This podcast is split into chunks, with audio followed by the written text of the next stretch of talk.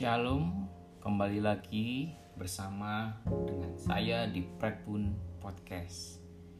Teman-teman pendengar, hari ini kita akan merenungkan kisah penyangkalan diri Petrus yang terdapat di dalam Matius pasal 26 ayat 69 sampai 75. Bagi teman-teman yang bisa membuka Alkitab, mari membuka Alkitab bersama-sama dengan saya dan saya akan memandu pembacaan firman Tuhan sembari teman-teman pendengar bisa memperhatikannya.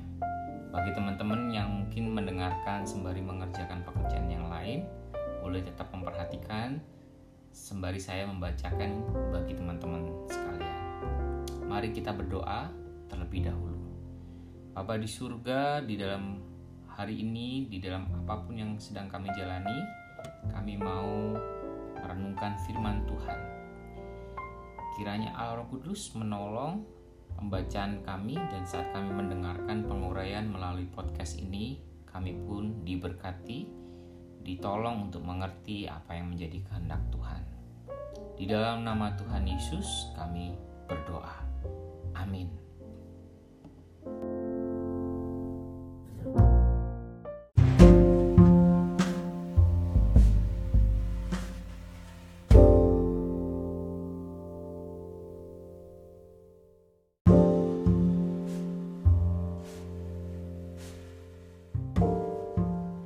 Matius 26 ayat 69 sampai 75.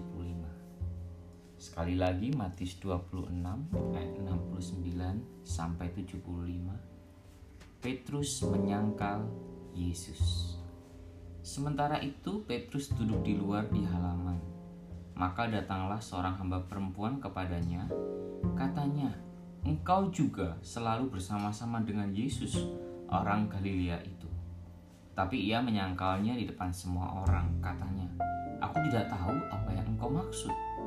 Ketika ia pergi ke pintu gerbang, seorang hamba lain melihat dia dan berkata kepada orang-orang yang ada di situ, Orang ini bersama-sama dengan Yesus, orang Nazaret itu.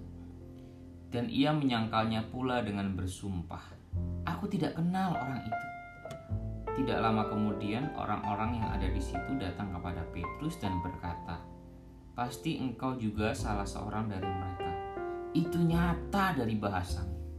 Maka mulailah Petrus mengutuk dan bersumpah, Aku tidak kenal orang itu. Dan pada saat itu berkokoklah ayam. Maka teringatlah Petrus akan apa yang dikatakan Yesus kepadanya. Sebelum ayam berkokok, engkau telah menyangkal aku tiga kali. Lalu ia pergi keluar dan menangis dengan sedihnya.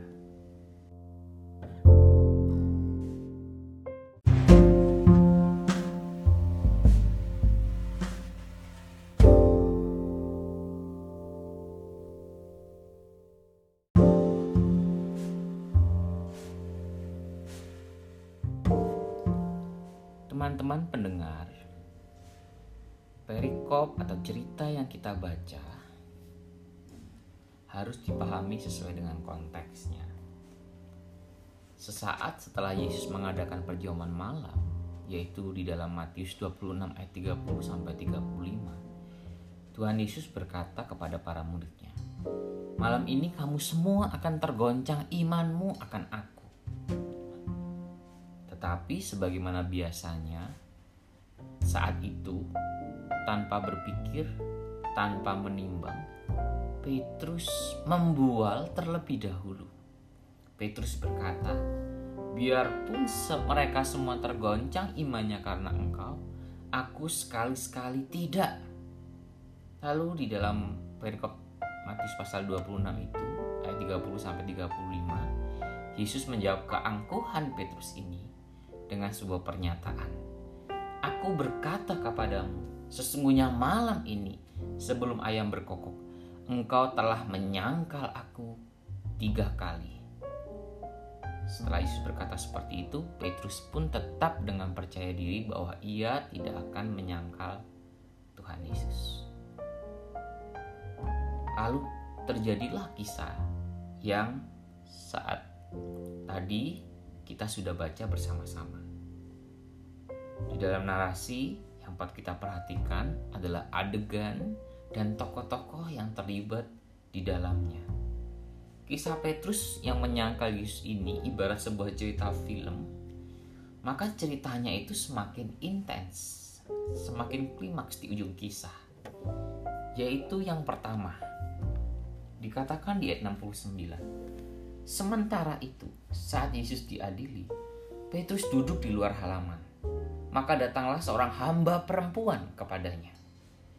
Menarik adalah hamba perempuan mewakili satu strata sosial yang mungkin dianggap rendah di dalam masyarakat saat itu.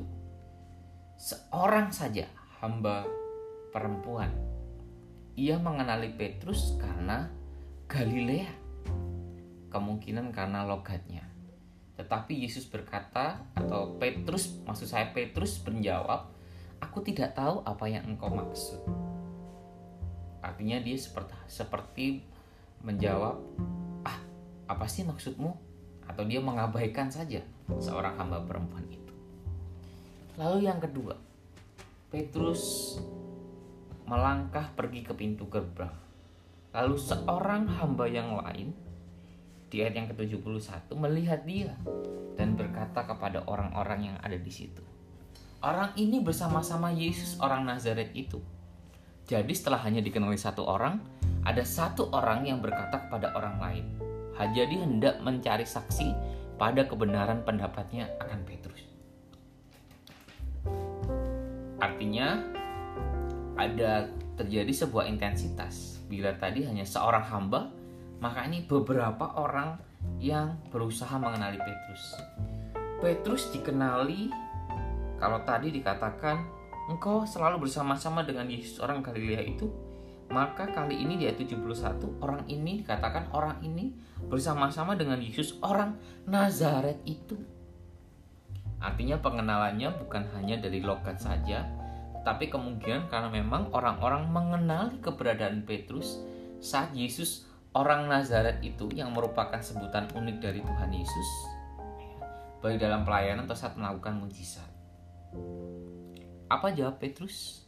Kalau tadi ia hanya mengabaikan, maka kali ini di, di uh, kisah atau adegan yang kedua ini, ia menyangkalnya dengan bersumpah. Kalau pada jawaban yang pertama Petrus yang ketakutan itu hanya menghindar, tapi Petrus dengan sangat jelas menjawab, "Aku tidak kenal dengan orang itu." Jadi Petrus sangat jelas menunjuk kepada siapa Yesus yang dimaksudkan ada sebuah intensitas. Lalu yang ketiga, tidak lama kemudian di ayat 73 dikatakan ada orang-orang yang ada di situ datang kepada Petrus dan berkata dengan kalimat yang lebih yakin, "Pasti engkau juga salah seorang dari mereka." Itu nyata dari bahasamu. Nah, artinya orang-orang ini pasti mengenali Petrus dengan benar-benar salah satunya karena aksennya atau karena logatnya. Di dalam Yohanes 18 ayat 26, di antara orang-orang yang bertanya itu terdapat seorang hamba imam besar yang adalah keluarga dari hamba yang telinganya dipotong oleh Petrus waktu Tuhan Yesus ditangkap di Taman Getsemani. Jadi seharusnya ini memang orang-orang yang benar-benar tahu siapa Petrus. Menariknya apa respon Petrus teman-teman pendengar? Kalau tadi Petrus hanya menghindar, kalau tadi Petrus hanya bersumpah, tetapi kali ini mulailah Petrus mengutuk dan bersumpah. Aku tidak kenal orang itu. Kata mengutuk artinya ia rela terkena kutukan tertentu kalau sumpahnya itu tidak benar. Artinya ia yakin ya seyakin yakinnya kalau ia mengatakan apa yang sebenarnya padahal ia berbohong. Jadi semakin kita melihat intensitas kegagalan atau penyangkalan Petrus semakin lama semakin naik. Lalu apa maksudnya penulis Injil Matius menceritakan kisah ini kepada kita? Maksudnya adalah penulis Injil Matius menekankan intensitas. Jadi perlahan-lahan Petrus ini benar-benar menolak atau menyangkal Yesus. Adalah menunjukkan kepada kita bagaimana Petrus benar-benar gagal mengikuti Yesus.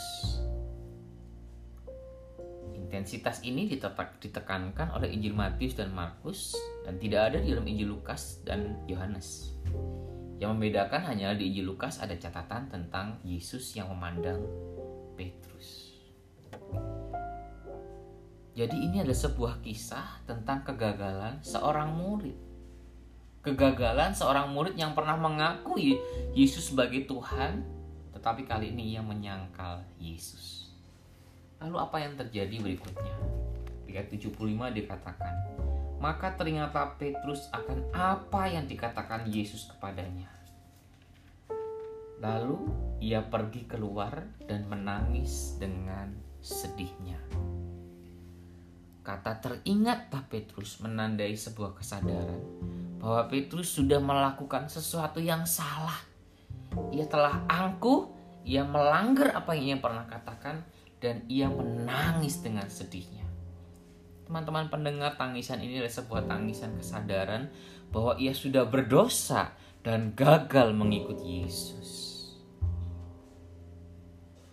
Puji Tuhan. Setelah Yesus bangkit, kita ingat bahwa relasi Petrus dengan Yesus nanti akan dipulihkan. Tetapi cerita Petrus menyangkal Yesus ini mengajarkan kepada kita sebuah kebenaran bahwa seorang murid bisa mengalami kegagalan yaitu menolak pribadi Yesus atau menolak karya Kristus di atas kayu salib. Contohnya bagi kita saat ini di dunia sekarang, misalnya kita berbuat dosa padahal kita sudah mengaku percaya kepada Yesus.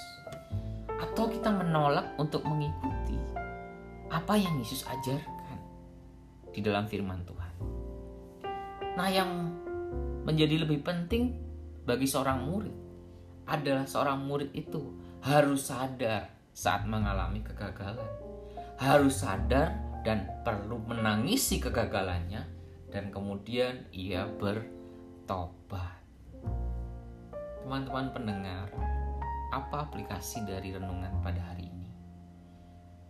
Mari kita merenungkan ke dalam hati kita masing-masing apakah ada saat-saat di mana kita gagal sebagai seorang murid Yesus?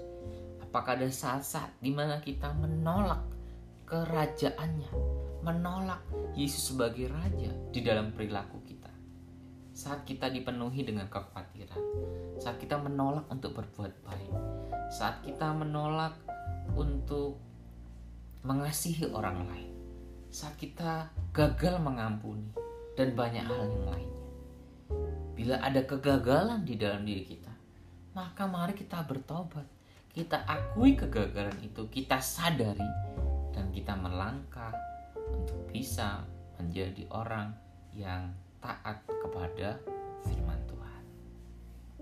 Maka pertanyaan refleksi pada hari ini, Bapak Ibu, saudara sekalian, teman-teman pendengar. Apakah ada kegagalan di dalam hidup kita? kegagalan di dalam kita mengikut Tuhan Yesus. Apakah kita sadar akan hal itu? Lalu pertanyaan berikutnya yang juga penting, apa yang akan teman-teman pendengar lakukan atas kegagalan itu? Mari kita berdoa. Tuhan Yesus, kami berdoa biar kiranya para pendengar diberikan hati yang peka pada kehendak Tuhan. Dan kami mau menjadi murid-murid yang mengikut Yesus dengan sepenuhnya. Sadarkan kami kalau ada di dalam diri kami yang gagal mengikut Engkau. Dan tolong kami untuk mengikut Engkau dengan sepenuhnya. Dalam nama Tuhan Yesus kami berdoa. Amin.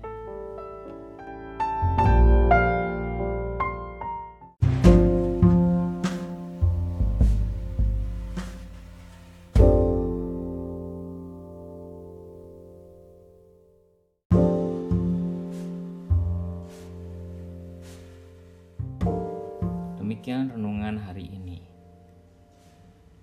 Mari teman-teman bisa share, bagikan kepada teman-teman yang belum mendengarkan atau belum tahu tentang podcast ini, sehingga supaya semakin banyak orang yang mendengarkan podcast ini dan dapat diberkati.